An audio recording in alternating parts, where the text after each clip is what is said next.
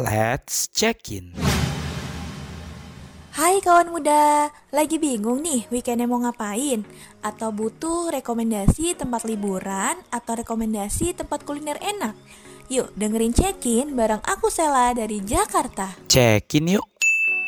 Oke, kali ini tempat makan hidden game kawasan Bintaro yang mengusung konsep asri dan juga ada kolam ikan di dalamnya yaitu Warung Kemuning.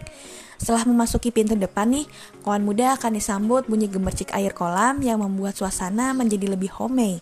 Bagi para pengunjung yang merokok nggak perlu khawatir, karena kafe ini menyediakan fasilitas smoking area dan ruangan outdoornya. Warung Kemuning juga ada area rooftop, jadi para pengunjung kafe dapat melihat pemandangan indah dari atas. Warung Kemuning menawarkan makanan khas Indonesia.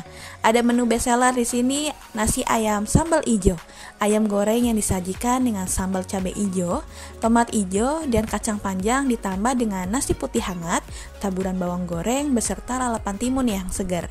Menu ini sering dipesan karena rasanya enak dan bikin ketagihan. Menu favorit selanjutnya itu ada nasi cakalang.